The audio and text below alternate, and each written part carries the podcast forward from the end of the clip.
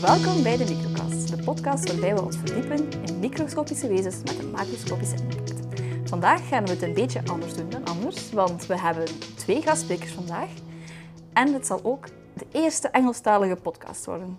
So, let's switch to English. Today we have um, two people from the Center for Medical Biotechnology at VIB Ghent, uh, Dr. Bert Schepens and Dr. Joao Cateni, who study viruses, respiratory viruses, and try to discover new vaccines and antivirals. Is that correct? That's completely correct.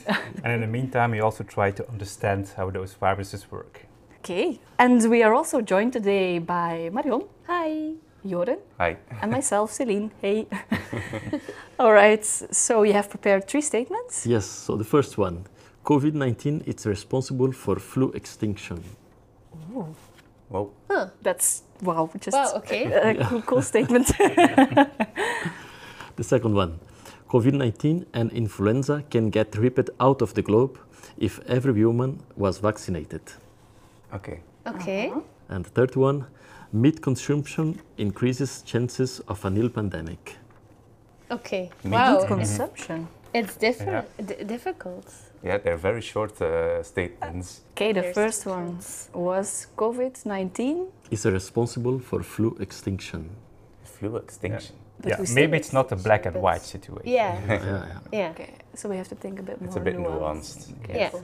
Because like flu is also a respiratory virus, right? Uh, Like caused by a respiratory Yes, virus. but remember COVID times. Let us take it back three years ago.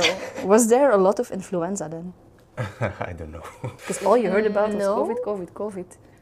Hmm. Okay, but is Mm-hmm. uh, corona responsible for the extinction of influenza? Yeah. we still haven't no Maybe you have answer. I don't think. Think of how you catch influenza.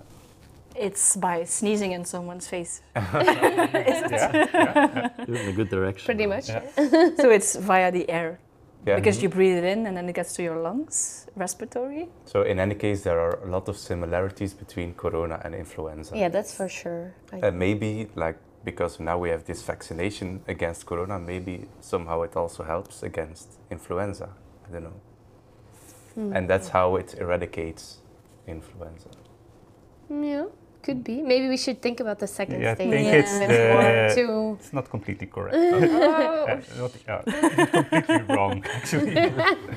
okay. Okay, wait. That, what was the second statement again? So the So- second statement is um, COVID 19 and influenza uh, could get ripped out of the globe if every human was vaccinated. Hmm. I would like to believe it's true, but I don't know. Yeah, the problem with microorganisms is that they they change constantly, of course. Yeah, and especially influenza is very known to Yeah. change a lot and change very fast. Yeah, we noticed this with the corona pandemic that we had to get booster shots and Yeah. and different vaccinations at different years because there were variants.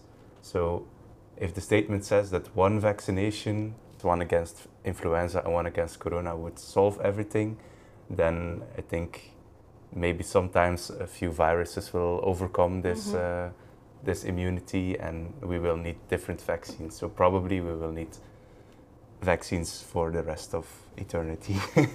Yeah, I also think this might be a lie. But Wait, I was thinking back on our episode on variola and why this was eradicated, but that was because it was very, um, when the symptoms occurred, it was very strong. And maybe vi- the influenza has like a, a latent phase where it's in your body and not really, that you don't notice you Mhm. have the virus and you Mm. And And you can spread it around. and spread it Yeah. around. Yeah. yeah. I also think when you uh, get vaccinated for the flu or influenza, you can still get it, right? That I don't know. I don't know. Mhm. Hmm. Okay, the third Oh. statement Yeah, it's difficult. The third, meat consumption increases the chances of a new pandemic. Meat consumption increases the chances of a new pandemic. Hmm. Mhm. I feel like this might be true. But they think that, uh, but that's probably wrong. But that they, it first uh, corona originated from bats, so this is Ah, also yeah. meat somehow. And from eating them, right? Yeah. It was like the.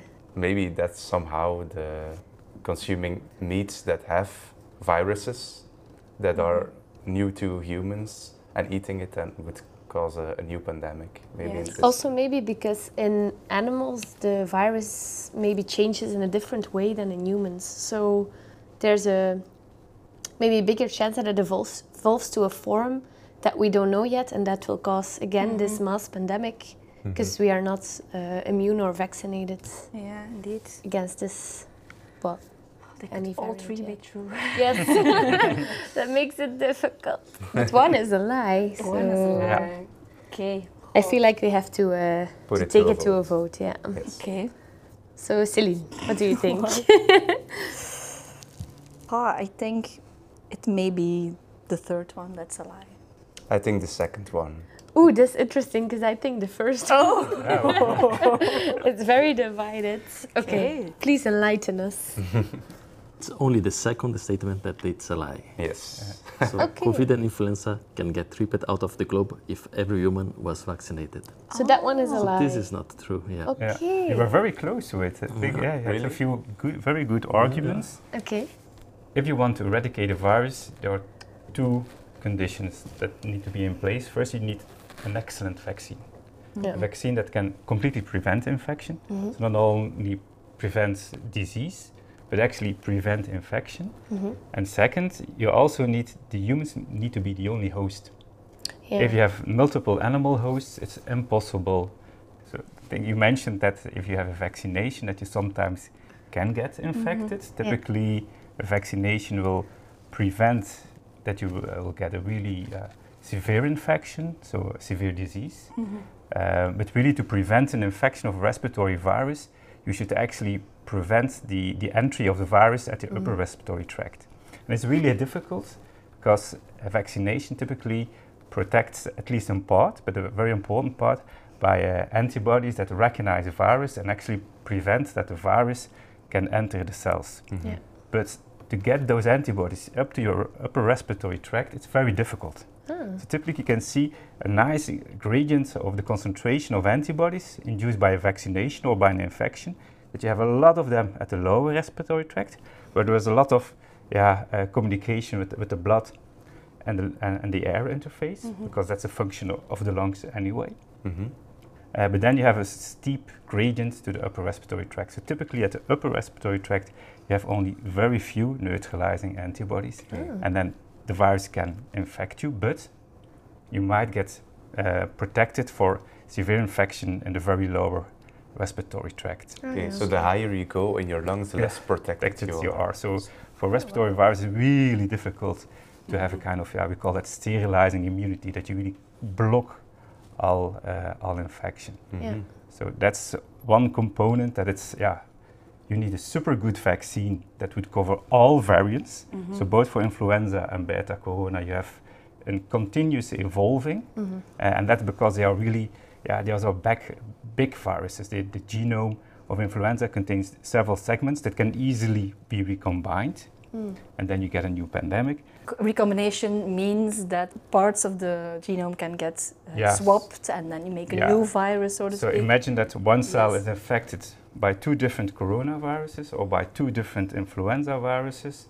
So the large genomes of the, the coronaviruses, if you have two copies of them from Yeah. two different variants, you, they can recombine. Ah. You can get new combinations. eh? Okay. Yeah. And this makes it difficult to develop vaccines. Like it's also for the influenza.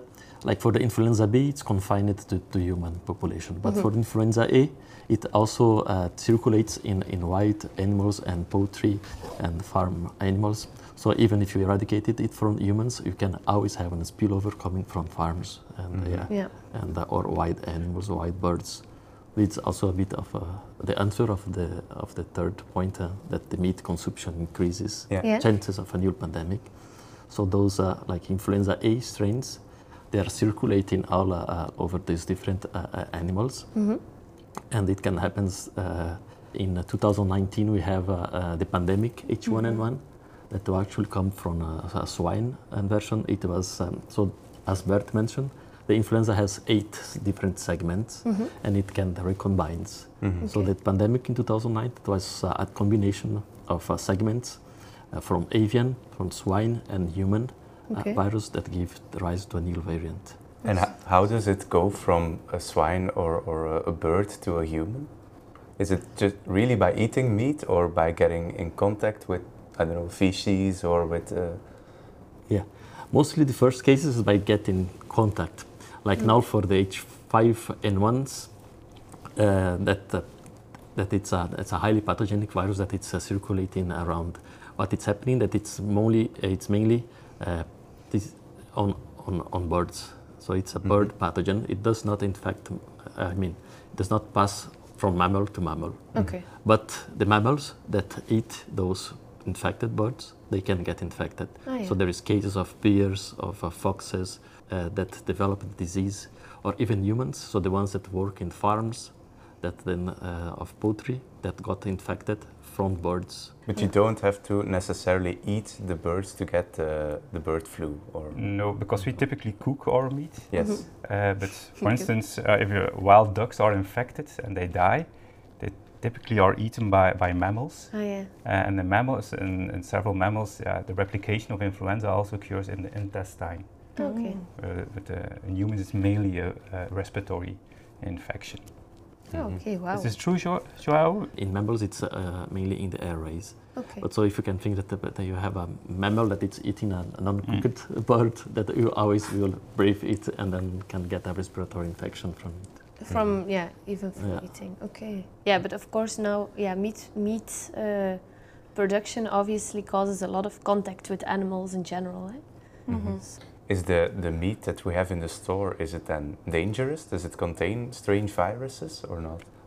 No, no. The, this meat you can trust that it's, they will not sell you uh, meat of a sick uh, bird. And also, can a virus survive in a piece of dead meat? It needs a living cell, right? A virus, or can it stay stable for a while in a I have no idea. Probably for a few, a few, Few. few hours or days, Yeah. uh, it can. But in the situation of, of corona, there, the the original infections uh, occurred in, in livestock markets. So in China, you have those, yeah, actually forbidden livestock Mm-hmm. uh, markets with living animals. Yeah. Mhm. Some of those animals, they're from the wilds, and some of them got in contact with, with bats, which are, are the main source of uh, beta coronaviruses. So occasionally, some of those mammals uh, get into contact with bats uh, and then are captured and sold at live markets. So there you have living animals, Mm-hmm. uh, and then it becomes really dangerous. Yeah. So always don't eat live animals, folks. always cook. Cook your food and don't go to live markets. Indeed, Yeah. yes. yeah. And then is it true that uh, corona will result in the death of influenza, or what was the first? Yeah, the first First statement. yes. Yeah. Uh, COVID is responsible for flu extinction. Yeah. Yeah, I'm curious about. So this one is true. This is uh, true, yeah, Okay. to some extent. So for the influenza, it's not only one virus. There is uh, different, Different kind of viruses yes. that circulates in human population. Influenza is caused mainly by, in humans, at least two types of virus, influenza A and influenza B. Yes. Okay. So when influenza A uh, circulate in humans and also in animals. The influenza B is restricted to the human population. Yeah. And this is a type of uh, flu that was first identified in the 40s, and then in the 70s it has diverged in two different antigenic lineages, what they call the Victoria lineage and the Yamagata lineage. Okay. And for the um, Yamagata lineage, uh, it's, it has not been detected since March 2020. Oh wow. Okay. Yeah. So there is a strain of influenza of the flu that is not being found anymore. It's not been found, so it's not. Uh, Ever it's not yet. Uh, cannot consider that it's extincted yet. Yeah. That it can always pop up again Mhm. in the future. But there, there is already quite some years, and that's, uh, since the uh, the COVID, that that, that it's not detected in sentinel samples around the world. Is it maybe also because people started wearing masks and this caused then the extinction of uh, respiratory? Yeah, that because it it's wasn't most, spread anymore. Yeah, that Yeah. it's most likely what had happened. Yeah. Okay. Wow. Due to that is social restrictions, a lot of, uh, almost all the uh, respiratory uh, diseases they went down and they were not spreading anymore. Yeah. And uh, then, yeah, uh, this influenza strain went Mhm. away. Wow, okay. Something really positive, uh, well, kind of positive on, on something really bad. that we, we got rid of something, uh, It's a very, very faint silver very lining. faint silver lining in the whole. And what do you do uh, research then on? Do you- so you said that you investigate the, the spike proteins or, or like the, the first contact with the human cells. And how do you do this in the lab? What, what do you, how do you start with this? So we have actually, uh, Joao, you're more focusing on development of, of novel vaccines. Yes, yeah. Uh, Yes, for the influenza vaccine, so as uh, the current vaccines are still based on a very old uh, strategy, yes, uh, so uh, these was techniques that are developed in, in the 30s, so we were still infected, embryonated eggs, then purified the virions from there, Ah, okay. and those vaccines, they do not work uh, as much as we would wish to. So depending on the different uh, uh, season, the efficacy can vary from, from 20 to 60%, so there is still a lot of room for improvement. Mhm. And those vaccines no- nowadays they mainly focus in inducing antibodies against the hemagglutinin. Okay. So and we are trying to improve that by adding extra antigens there. And what's the hemagglutinin? Hemagglutinin it's uh, so the, the influenza virion. It's composed uh, majorly at the surface by, by two proteins. So the hemagglutinin and the neura- neuraminidase. So these are two viral proteins on It the is outside of Two the viral proteins that are outside. Oh. Yeah. And most of the vaccines they they target the hemagglutinin. Okay. and you're trying to add like the neuraminidase as a second antigen, as a second layer of protection to improve uh, potentially the efficacy of the vaccination. Oh, yeah, okay. What in the the, future? the chances of ever having a universal influenza vaccine? What do you think? Or is it something that's possible or it will never happen with all the changes in the in the virus every year? It is very hard, I think, to get it. It is, because this is this uh, antigenic uh, shift uh, Yeah. uh, and, and drift that we just discussed. So influenza, it's evolving every year, and um, it, there is not a major conservative target that can Yeah. be uh, that can be used. Mhm. at, at least to, to generate neutralizing antibodies. So it Yeah. is really difficult. You can have a, a um, multi-seasonal, let's say, Yeah. so that you don't need to take vaccine every year. Maybe we have be able to broader this range of protection Mhm. to several years. But at one point, I think the virus will win, Mhm. and then Yeah. we need a new Yeah. vaccine. It's really a co-evolution and a never-ending battle. yeah, And what do you hope? Like, what is your big dream that you want to achieve with the, the research? Or is it just tackling each year the, the virus, or do you have a bigger dream? So we have a bigger dream. So for the for the coronavirus, we actually wanted to in 2016, we wanted to get prepared for the next pandemic. Mhm. So in 2002, you had a small pandemic of SARS-CoV-1 uh, with a high lethality. Luckily, it was a very uh, confined uh, pandemic. Uh, and then in 2012, about 10 years later, you had the MERS pandemic. So also from coronavirus, beta coronaviruses. So it was an educated guess that maybe 10 years after 2012 there might be a novel pandemic um, caused by a beta coronavirus. Uh, so in 2016 we started to prepare, we were starting to look for, for nanobodies Mhm. uh, that could recognize the spike protein of both SARS-CoV-1 and MERS. Mm -hmm. So we thought if we have an, such a nanobody that can recognize both at a really conserved part of the spike protein, uh, and if it could neutralize those viruses, then we would have a nanobody that might also already be active against a potential new no, yeah. uh, virus that originates from the same family. Uh, but it was a bit frustrating. We never found such a nanobody. Ah. So we got some good ones against SARS-CoV-1, some good ones against SARS-CoV-2, at, against MERS, but none of them was able to tackle both viruses. Yeah. Um, but then it turned out that SARS-CoV-2 came a little bit earlier than we anticipated, a few mm. years earlier, um, and that it was quite related to SARS-CoV-1.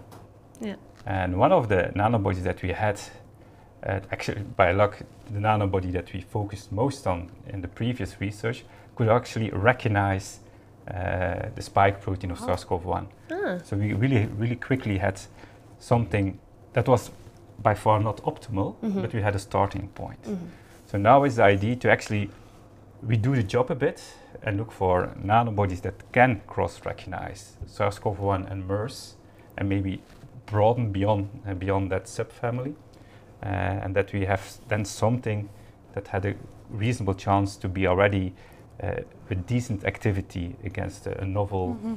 virus that originates from the beta coronavirus family. Okay. So that's our goal now. Now we're looking at the most conserved parts of the spike protein, and I think we have some interesting candidates. Uh, but we're looking further and further to have at l- maybe a set of nanobodies or antibodies uh, already uh, in place uh, that at least one of them or a combination of two of those uh, might protect against a, a novel virus. So we have a fixed goal. Yeah. Nice. Yeah, So but to some- protect us yeah. for a new pandemic, In 10 years' time. Yeah, but uh, yeah.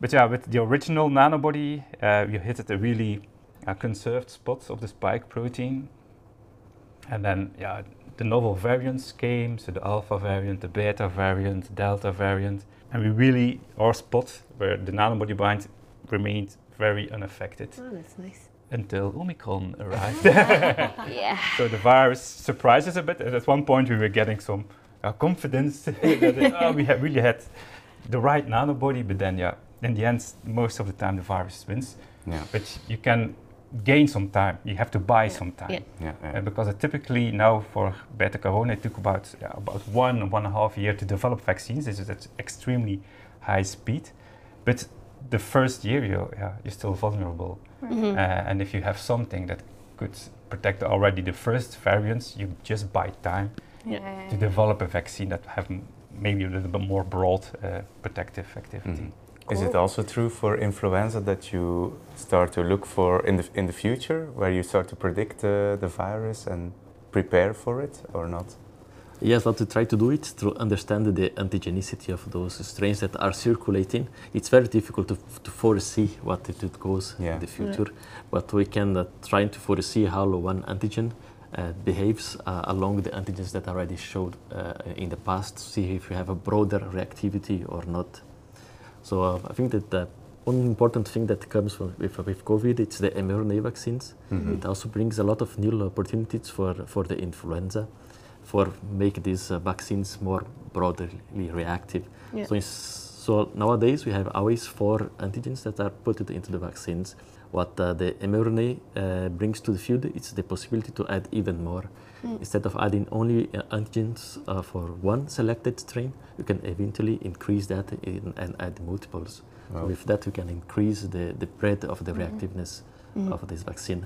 So you're extending the protection not to only one or two seasons, but even uh, a few seasons extra. Okay. Okay. Was the M- sorry Yeah. was the mRNA virus of COVID the first of its kind? The first mRNA virus? Uh, Yeah, virus, vaccine. sorry, uh, vaccine. It yeah, the, f- the first uh, approved and largely use it. Ah, Yeah, wow, so, okay. yeah. And the, The- the reason why this helps for more types of antigens is because it will produce these in our body, right? The- Yes, yes, because we need only to feed the mRNA, so the, the coding information. Yeah. Let's say if we want to produce that in uh, as it is today. So we need to select one virus six months earlier, and then uh, infect uh, eggs. Be sure that they will be adapted to grow in eggs, so Yeah. that take time. The virus can still uh, mutate just due to the adaptation in the eggs that will be already not uh, different from the one that humans. So it- it's a very long process. We can do it uh, per, per, per strain Yeah. only, and with the just by updating the different genetic code, you can just add multiple uh, sequences there. Yeah, yeah, yeah. Okay. It will also be easy to add other targets than the hemagglutinin.